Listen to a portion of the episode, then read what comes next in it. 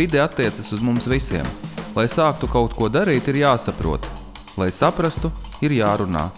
To veikšu es, Ervīns Varde un raidījuma viesi. Esiet sveicināti podkāstā Zaļgalvis. Sveiciens jaunākajā Zaļgalvis epizodē. Raidījumā Zaļgalvis, kas svētdienās vērojams Latvijas televīzijā, satieku cilvēkus, kas dzīvo ciešākā sazobē ar dabu. Raidierakstā ar citiem viesiem šīm tēmām varam pievērsties paplašināti. Raidījuma sērijā Maisaimniecības gudrības Saules paneļa entuziasts Gunārs Kopēja, kas stāstīja par veidiem, kuros varam apzināti ietaupīt enerģiju un mazināt savu ietekmi uz dabu. Bieži vien kaitēšana dabai ir saistīta ar nezināšanu, piemēram, neizpratni par to, kāpēc vecos medikamentus nedrīkst vienkārši izmest sadzīves atkritumos, par to, kā ar aci ne tik redzamais piesārņojums ietekmē mūsu dzīvi. Es, Ervīns Vārde, šodien uz sarunu esmu aicinājis hidrobioloģu Ievu Putnu Nīmani. Čau! Sveiks! Man patīk tavs uzvārds. Paldies! Pirmais jautājums ir sekojošs. Ar ko nodarbojas hidrobioloģija?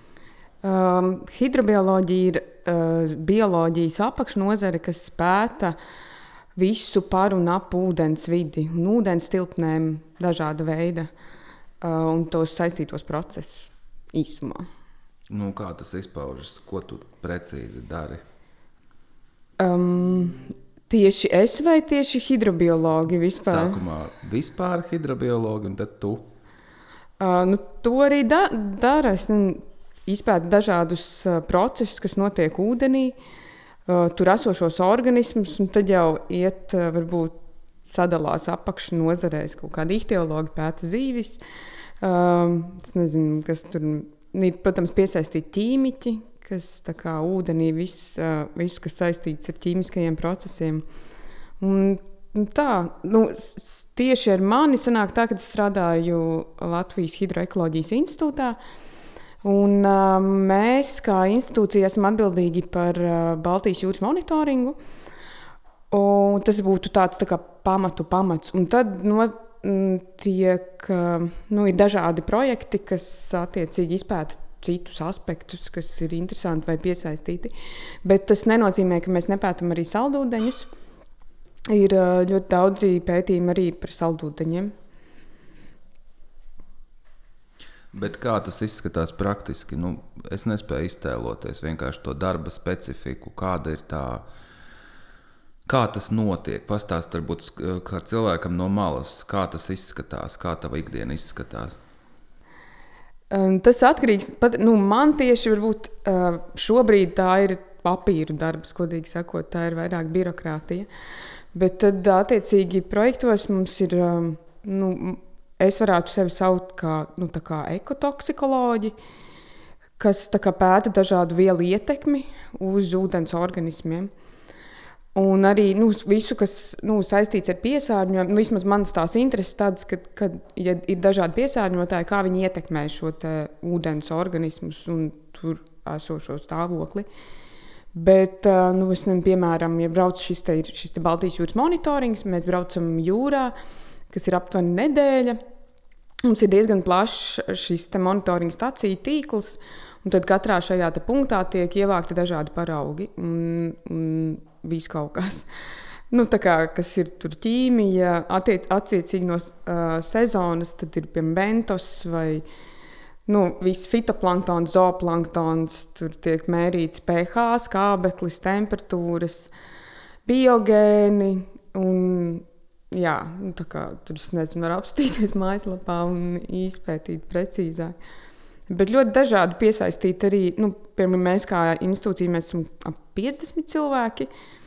Tad uh, katram šī nodarbošanās ir mazliet, nu, ir kaut kas, kas pārklājas, mm, bet, uh, bet ir diezgan specifiski, ko kurš dara. Bet, uh, nu, jā. Bet kā tu līdz tam nonāci? Es saprotu, ka tas ceļš nekad nav īss, bet izstāsti vienkārši kā cilvēks, kā tu nonāci šajā punktā. Hidrobioloģija. Kāpēc tevi, nu jā, kāpēc tev vispār šis interesēja? Nu, bioloģija kā tāda man bija tā kā kopš uh, bērnības. Es kaut kad iepriekš arī minēju, ka nu, manā vecmāmiņa ir uh, bioloģijas skolotāja, un tad viņai bija gaismas mikroskops, kur, kur uh, tad mums ļāva tur, nu, mēs tur tās sīpola miziņas jau bērnībā tā kā lupinājām. Un tad, uh, tad uh, es tā kā, nezinu, tas bija tāds kaut kas, nu, no sākuma tā bioloģija galīgi nepatika, bet tad skolotāja iedzina, ka nu, man tā kā būtu jāmācās, nevarēja atbildēt uz kaut kādiem jautājumiem. Tad es kaut kā baigi samācījos, man ļoti patika tad beigās. Un um, es tā kā sākotnēji gribēju būt optometrists. Bet, uh, nu, stājoties iekšā, man likās tā ļoti šaura joma, ka jāsāk ar bioloģiju. Un iestājos biologos.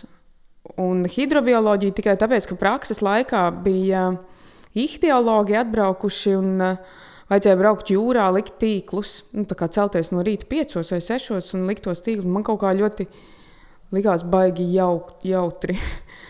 Celties piecos, ja? Uh, nu, nu, tā tīkla likšana kaut kas tāds, nu, kaut kas tāds ka tu kaut ko dari, tu redzi. Un, bet, um, nu, es, kad sāk, nu, pēc tam gāju fakultātē pie hidrobiologiem, un es teicu, es gribētu būt ihtiologs, un tā pastījās, man teica, nu, tā kā nebūs. Nu, tā kā, jo man tā miesas būva nav varbūt tik piemērota, lai liktu tīklus, tad aizsūtīja uz institūtā hidrobiolo, hidro, eksperimentālās hidrobioloģijas nodaļu.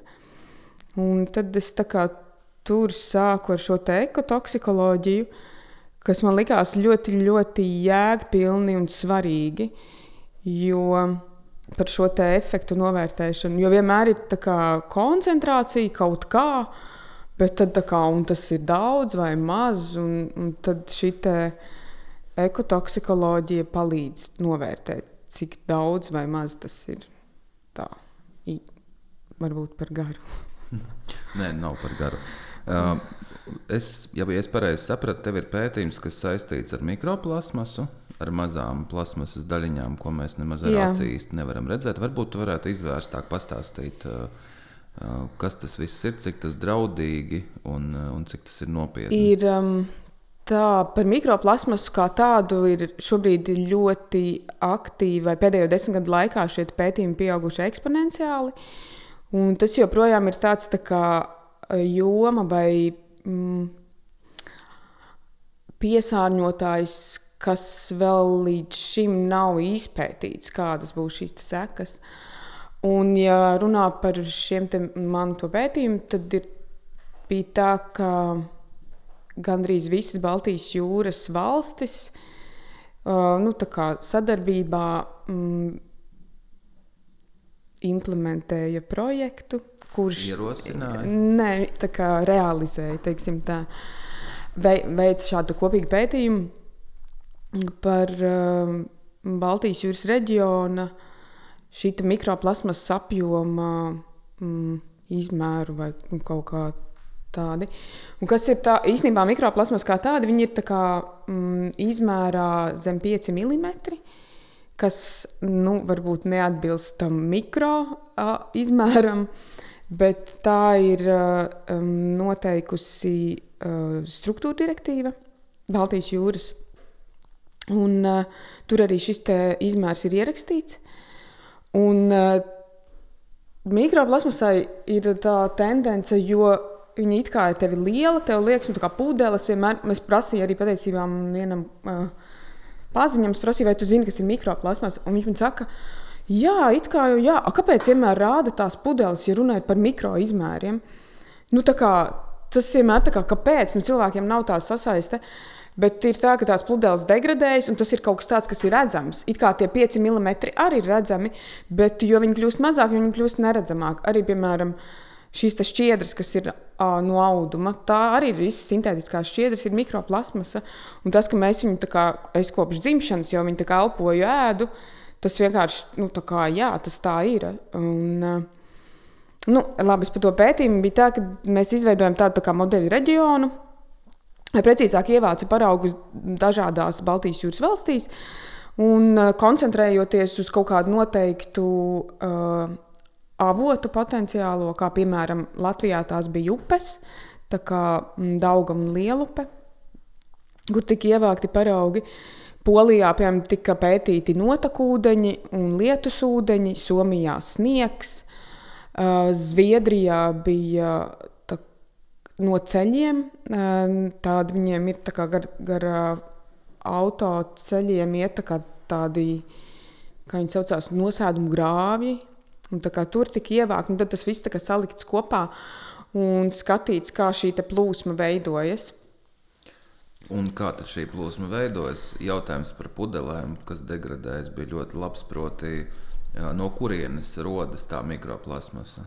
Mm, godīgi sakot, tas ir um, atkrituma apsaimniekošanas jautājums lielā mērā. Kas ir viens, kas ir šie makro izmēri, kas potenciāli sadaloties mazāk, ir ļoti, ļoti daudz. Nu, tas izmērs, of, nevis izmērs, daudzums. Otrs ir, no kā mēs noteikti nevaram izvairīties, ir šīs šķiedras, kas nāk no dažādiem apģērbiem. Un, nu, tas ir neizbēgami. Mēs nevaram aizstāt visus apģērbus ar koku vilnu. Nu, tas ir sirreāli. Mums lauksaimniecība to ne, nespēja pacelt. Protams, ar nu, ko vajadzētu, nezinu, manuprāt, pievērst uzmanību to uh, apģērba pirkšanas kulta lietu, kas ir kā, nu, izvairīties no tā, jo mums tiešām tos apģērbus tik daudz nevajag pirkt, un ko mums visu laiku kā, nespiež, bet mudina. Teiksim, nu, tas fast fashion. Jā, jā, tas būtu kaut kāds at, at, apsaimniekot atkritumus, korekti nemest zemē. Un, uh, nu, daudz un dažādi ir aspekti, kurus vajadzētu ņemt vērā. Arī nu, nu, šajā telpā, piemēram, skatos printeris, plastmasa, krēsli, plastmasa, ventilators, plastmasa. Nu, tas ir ļoti, ļoti patiesībā labs, vērtīgs materiāls. Mēs nekā nevarētu aizstāt viņu šobrīd. Nav, nav tādas cit, citas alternatīvas, ko mēs varētu likt lietā. Nu, mē, nu, mēs nevarēsim izvairīties no viņas un viss. Nu, arī par tiem salmiņiem, nu, kas ir tagad aizliegti, tas arī, manuprāt, mm, arī tas ir tāds trenda jautājums, kas radās manuprāt, Amerikā ar kokteļu kultu, kad mums nepieciešams šis salmiņš, kas ir kā accessors. It kā mēs nevarētu dzert bez viņa. Nu, paņem, paņem glāzi vienkārši un padzeries. Tas nav tāds. Es saprotu, cits, cits aspekts ir nu, medicīnā, kur cilvēki tiešām nevar padzerties no glāzes, kad šie salmiņi, un tad atstāsim viņus tur, lai kā, pielietotu. Um, aizplūdu kaut kur prom. Ne, es domāju par to salmiņu, ka tu saki, vai nevarētu vienkārši padzerties. Tas jau attiecas uz milzīgu daudzumu jomu, tā skaitā arī uz modi. Nu, būtībā mm -hmm. jau, mhm. mēs jau varam iztikt bez tā. Um, nezinu, vienīgā vieta, kur varbūt patiešām nevarētu iztikt bez, uh, bez kaut kādiem specifiskiem plasmasā balstītiem apģērbiem, varētu būt alpīnisms. Tur tiešām viņi nevarētu viņi nomirt savādāk. Uh, Bet, eh, bet visumā um, es prasīju par to, kā nonāk tā mikroplasmasa. Mm -hmm. Varbūt tu vēl kaut ko vari izteikt. Ah, nu jā, patiesībā ir jau pateikts, ka ir divi, divi veidi. Viens ir šī primārā un tad ir sekundārā. Primārā mik mikroplasmas ir tāda plasmas, kas tiek ražota šādā izmērā, ko pievieno. Mm, sadzīvē izmantojamiem kaut kādiem kosmētikas līdzekļiem. Ir, ir piemēram, kur tādas ražo, ir ceļa zīmēm, kad ir tie atstarojošie materiāli. Nu, daudz kur tāds, kas tiešām tiek ražots jau zem, mazāks par 5 mm. Un otrs ir šī sekundārā, kas ir degradācijas veids. Kas ir patiesībā arī šis apģērbs, ir šīs te, nu, šķiedras veidojas, tā ir arī savā veidā tā kā Uh, es ceru, ka es nekļūdos patiesībā. Uh, vai sadalīšanās, piemēram, šo garāko šķiedru par mazākām. Kur arī tā kā, un es neesmu, protams, arī vienīgā, kas pēta šādus aspektus ne Latvijā, ne, ne, ne, ne citur. Tas ir ļoti aktuāls jautājums. Es redzēju bildīti internetā, kur vīrietis pērk zivi, un viņam saka, vai jums vajag, ne viņš saka, vai var maisiņu, un viņam atbild, maisiņš jau ir iekšā. Ar ah. to domājot, mikroplasmas. Tu jūties sakarā ar to kaut kā trauksmaini, vai cik nopietna tā ir lieta? Jo es vēl nesen par to nezināju. Tas gan nav ah. nekāds rādītājs. Mm -hmm. nu, um, es varbūt atbildēšu neprecīzi tieši par plasmasu, jo, ja, nu, ja runā par ekotoksikoloģiju, tad, tad zinot to, kas viss apkārt ir, kā, nu, es būtu sen jau būtu saikusi, ja es domātu, ka tagad plasmasa tas ir. Ir ļoti, ļoti daudz citi arī piesārņotāji, kas ir aktuāli. Plasmasai varbūt ir tā, ka viņa pati ir nu, savā ziņā nu, plasmasas polimēri tikai ķīmiski inerti. Ir, un tās ir, kas kaitīgs ir ražošanas procesā, ir šīs pievienotās vielas, kas mēdz būt toksiskas. Un tad ir arī pierādīts, ka viņa, piemēram, atrodoties vidē, spēja absorbēt uh, dažādus piesārņotājus un tādā veidā pārnest viņus uz citām mm, vidēm vai vietām, un kā kalpot kā, kā vektors. Un tur, piemēram, kaut kādā veidā, ja piemēram, nezinu, mēs tagad apēdam kaut ko, mums kuģi sula iedarbojas uz šo plasmas, mēs varbūt uzņemam kaut kādu kaitīgo vielu. Varbūt plasmas paši mēs pēc tam kā, mm, izvadītu ārā. Un tas lielākoties tā ir noteikti. Bet nu, šobrīd ir pierādīts, jau, ka šīs te, nu, līdz ko sasniegtu plasmas nano līmeni, tas kā, čērso jau šūnu membrānas un ietekmē nu, šūnu līmenī. Es domāju, ka mēs jau sen esam tam pakļauti, jo nu, plasmas, kad 50. gados sāka ražot intensīvi, tad um, nu, tāpat kā daudzas citas ķīmiskās vielas, kam mēs kā, jā, esam pakļauti. Un, uh, es domāju, jā, es noteikti satrauktos. Nu, jau tad tas būtu arī jāsaka, lai cilvēki kaut kā nu, sāktu rīkoties. Jo tas apjoms, kas jau šobrīd ir vidē, mēs nekā, nu, īpaši mikroplasmas, mēs nevaram viņu izvākt ārā. Un, viss, un tās astās pudeles, kas tur tagad peld, viņas sadalās. Ja viņas, jo arī nu, finansiāli, kurš par to maksās? Mums arī visi citi, ja mēs nevaram ap, apsaimniekot atkritumus pareizi, vai cilvēki nes, nu, to nedara, tad, tad kurš tad tur brauks uz okeānu un vāks? Nu, kā, kas par to maksās? Nu, Uz mani atstāja iespēja tāds plakāts, kur bija rakstīts, ka neviena no saražotajām plasmasām vēl nav sadalījusies. Un tad es apjautu, ka patiešām. Viņi ir, viņi sadalā, viņi nav, viņi sanāk tā, ka viņa, viņa sadalās nevis, nu, piemēram, par kaut kādu uh, oglekli un ķīmiskajiem savienojumiem, bet viņi sadalās sīkākās daļiņās vienkārši. Un viss, un viņas tur paliek daudz mazas. À, un par, to, par to satraukumu pierādīts ir tas, ka jo mazāka ir daļiņa, jo lielāka ir šī negatīvā ietekme uz vidi, jo tā spēj kļūt uh, vieglāk uzņemama ūdens organismiem, kas tālāk aiziet barības ķēdē. Tā. Tāpēc tu nesatraucies un labi gulies, ceru. Bet tu minēji vēl par citām vielām, ka plasmas ir tikai viena no tām. Varbūt tu vari pāris piemērus vēl izvērst. Kas vēl ir tas, par ko mums nav vērts satraukties? Nav vērts satraukties. nu, nav, jo lai labāk gulētu. Nav. Ir um, pesticīdi, piemēram, kas arī ļoti ir aktuāli. Un, uh, Vēl no uh, Padomju Savienības laikiem, jo viņiem degradēšanas, uh, la, degradēšanās laiks mēdz būt ļoti garš. Tas ir uh, dažādi smagie metāli un uh, viss, uh, ja es, nu, piemēram, patiesībā par tām vielām, ko mēs zinām, tad mēs varam kaut ko darīt. Nu, mēs varam kaut kā rīkoties. Vērst sabiedrības uzmanību, ieviest kaut kādus likumus, jo parasti bez likumiem nekas pats nenotiek. Tāda cilvēka brīvā griba patiesībā ļoti labi, bet uh, tas ir mazākums, kas, uh, nu, kas var kaut kā ietekmēt. Un tad ir skaidrs, ka visstrakāk ir ar tām vielām, ko mēs nezinām.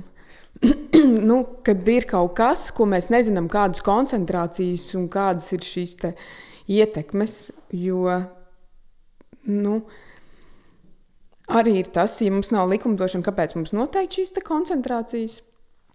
Tad ir otrs, kas ir arī tādas tehniskās iespējas, kas ir noteikšanas limiti, mm, dažādu koncentrāciju. Kas vēl tas vismulsinošākais ir tas, ka šīs vielas mēdz būt ļoti, ļoti dažādas, jo attiecībā par ietekmēm, jo citām šī koncentrācija varbūt ir ļoti maza, bet ietekmes ir ļoti lielas.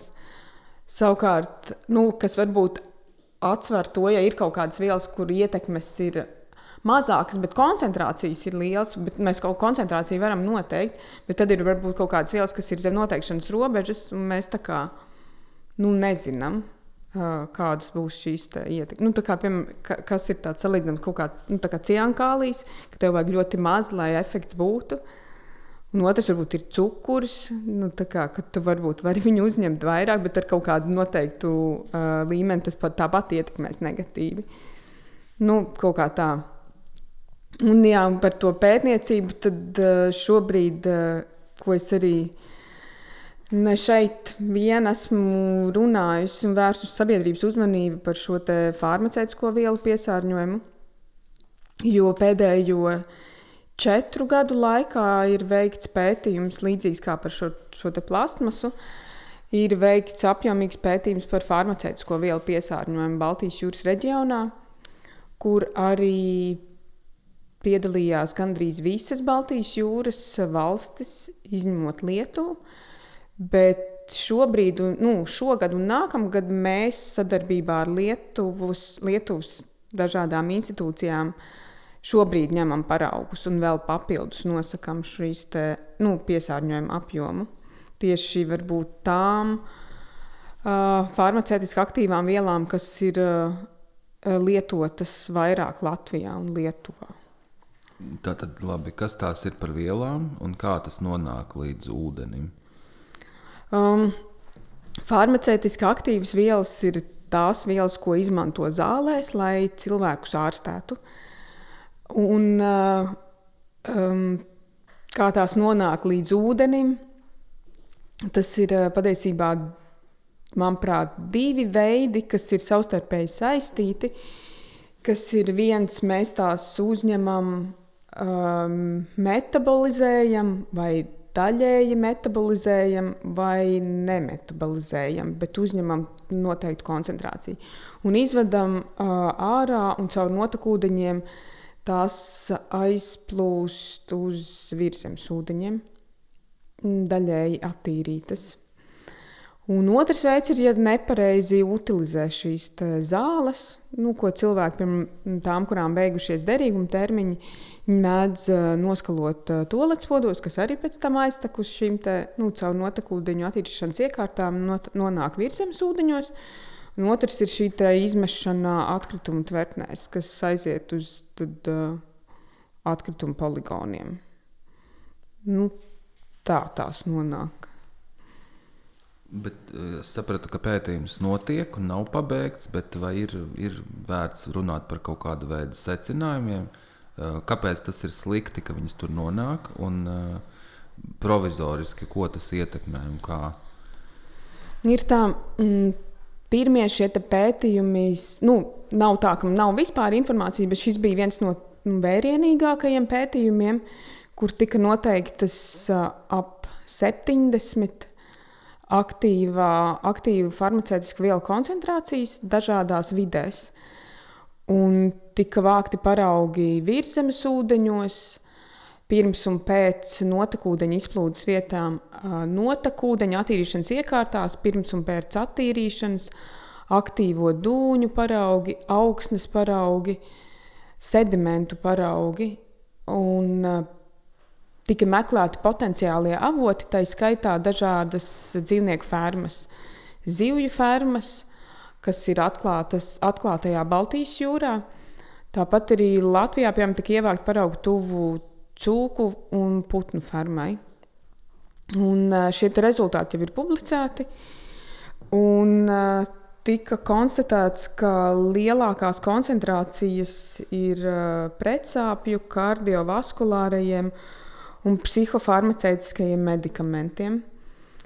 Bet kas ir par šīm ietekmēm? Šī pētījuma laikā tika veikti arī vidas riska izvērtējumi katrai vielai, katrā vietā.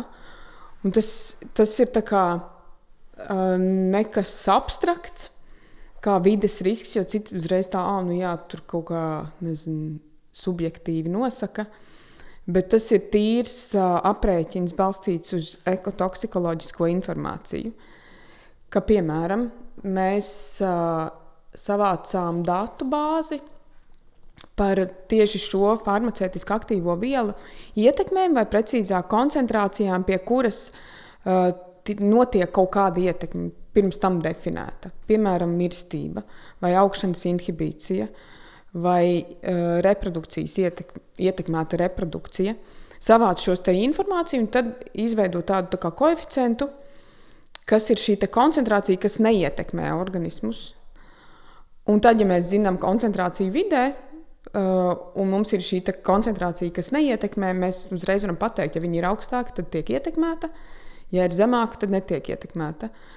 Bet šie koeficienti atkarīgi ļoti no šīs ekotoksikoloģiskās informācijas.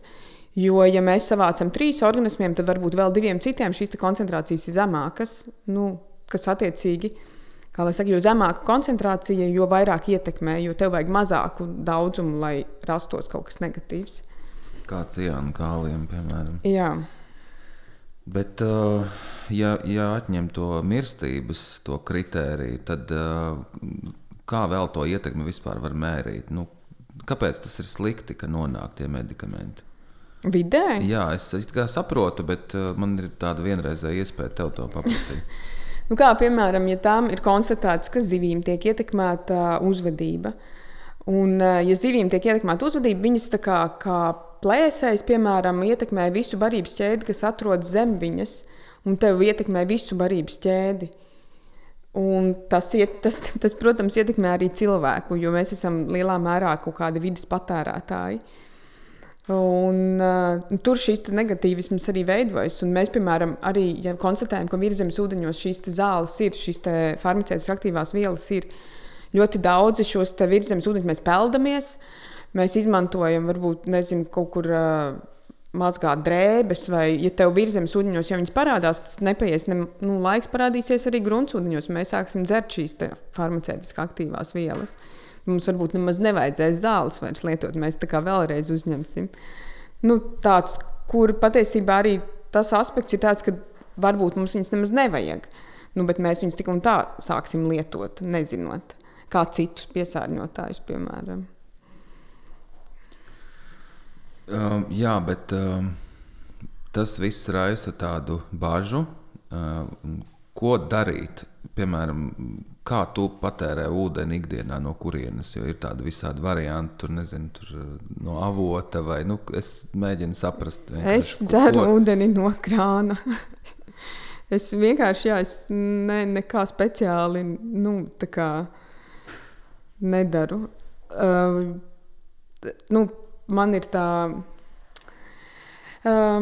lieliskā iespēja dzīvot uh, varbūt pierīgā, kur mums ir spice un un ir uztaisītas uh, ķīmisko vielu analīzes, bet šeit atkal atduras tas aspekts, nu, vai fakts, ka ne jau visas vielas nu, uztaisīt šajās analīzēs. Tu uztaisi nu, tādas, kur tu zinātu, kādus filtrus izmantot. Un es pat nezinu, varbūt, varbūt man arī tur ir kaut kāds farmaceitiski aktīvo vielu piesārņojums, un es jau dzeru jau kaut kādas zāles. Jo tas atdurās pret šo likumdošanu, ka mēs patiesībā nu, neviens jau nenosaka, ka būtu tāds nu, tā jānosaka. Šie dažādi pētījumi projekti ir. Ir tāda lieliska iespēja, kad mēs varam aiziet kaut kur tālāk un atrast kaut kādus aspektus, kas būtu, kas, ko mēs varbūt nezinot, varam nu, preventīvi darīt vai vērst uzmanību uz to, ka būtu nepieciešams kaut kāds šāds monitorings, lai nu, varētu noteikt, kā, kā, kas, kā mēs tiekam ietekmēti. Bet runājot par ikdienu, ko mēs varam iesākt nezinu, ar tiem pašiem medikamentiem. Nu, ja tev ir iespēja aiznest uz aptieku un nodot, tas ir labi. Bet, ja pieņemsim, tev nav tādas iespējas, nu, ko vispār darīt ikdienā cilvēkam, kas, kas nu, nu ir uzzinājis, ka, ka tam ir kaut kāda ietekme uz vidi? Um, Mēs, kā institūts, sadarbībā ar uh, Latvijas farmaceitiskās aprūpes asociāciju un farmācijas biedrību, mēs pat uh, definējām kā, kā, kāda būtu, te, kāda būtu šī te, nu, rīcība no cilvēka puses. Tas ir uh, vienā teikumā, ir lietot zāles atbildīgi, kas ietver um, lietot tikai tad, ja tev tas ir tiešām nepieciešams. Nu, tas ir, nu, piemēram, labi, man nav televizors, bet es zinu, ka rāda reklāmas, ka mums uh, visu laiku somiņā līdzi ir šīs pretsāpju zāles. Uh, vai nu, kaut kādi citi medikamenti. Kad nevienmēr šī te, šīs te zāles ir nu, kā, kā labākais risinājums, jo jāskatās uz iemeslu, kāpēc tev piemēram sāp galva. Varbūt uh, tu neesi padzēries gana daudz ūdeni, vai tev sāk pietrūkst gaisa, vai tev vajag mazliet nu, iepauzēt darbos. Un tad apskatīties, tiešām, vai būtu nepieciešams lietot šīs te, šos te medikamentus. Otrs būtu uh, nedalīties ar zālēm, jo sevišķi ar tādām, kas ir uh, izrakstītas tieši tev. Jo nu, mums ir tāda tendence, ka ah, man šis strādā, un pamēģini arī tu. Bet uh, nevienmēr tas ir tas labākais veids, jo jāskatās uz iemesliem, būtu jākonsultējas ar ārstu un jāmeklē sev specifiskās zāles. Un trešais ir šis utilizācijas jautājums. Jā, ka vajadzētu util, utilizēt pēc, nu, pēc labākiem principiem, kas ir uh, nest atpakaļ uz šīm aptiekām, ja tas ir iespējams. Un tas ir īstenībā vienīgais, ko mēs šobrīd varam darīt. Jo pārējie nu, nemest atkritumos un nemest uh, podā, tas kā, jā, ietver to.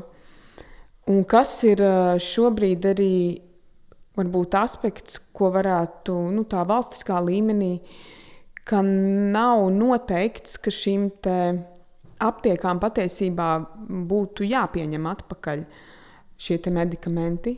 Tā ir viņu tā kā, sociālā atbildība un labā griba, ko viņas kā, ir, jau šobrīd dara.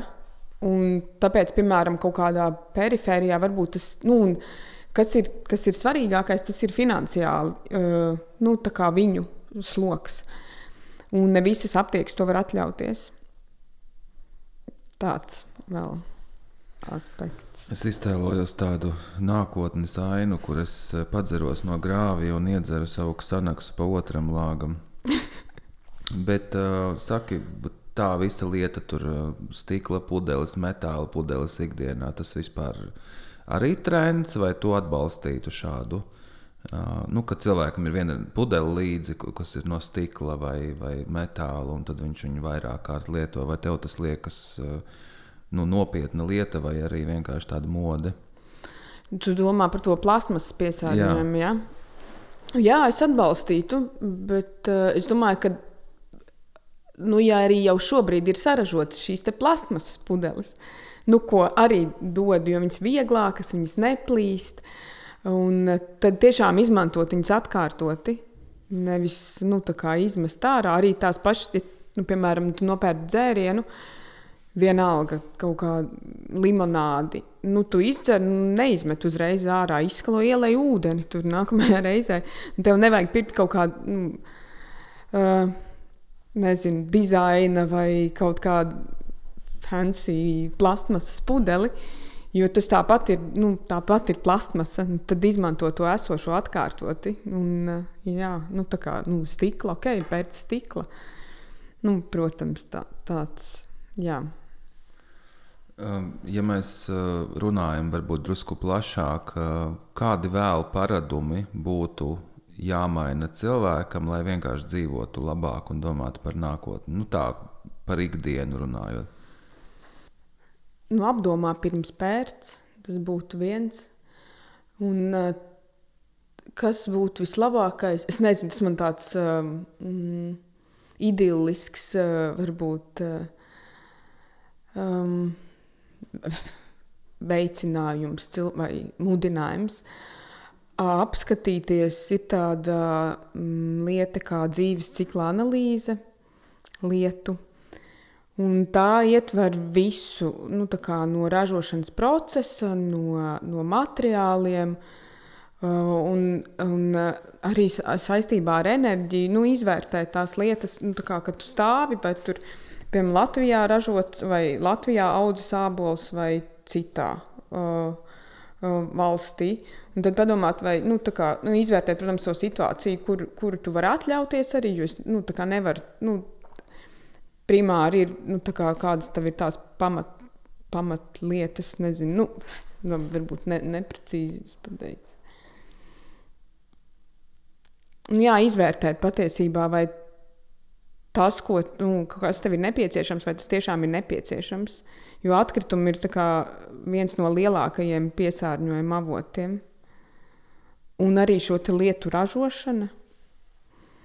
Nu, ja mēs nepirksim tik daudz, viņiem, nu, viņi neražos tik daudz. Nu, kur viņi liks, viņiem finansiāli nebūs izdevīgi. Nu, vienalga kādā industrijā esošiem. Jā, bet viss liecina par to, ka viņi tikai vēl vairāk pirks. Ko ar to darīt? Es nezinu. Varbūt savā ziņā tas ir kaut kāds kā izglītības, ne, pat ne izglītības jautājums. Es nezinu. Man liekas, ka uz šīs optimistiskās nots mēs varētu arī šo sarunu pabeigt. Paldies, tev, kā atnāci. Paldies par interviju. Visi zargalvi raidījumi, podkāsti un raksti pieejami Satorija LV sadaļā Zargalvis. Paldies Latvijas vidas aizsardzības fondam!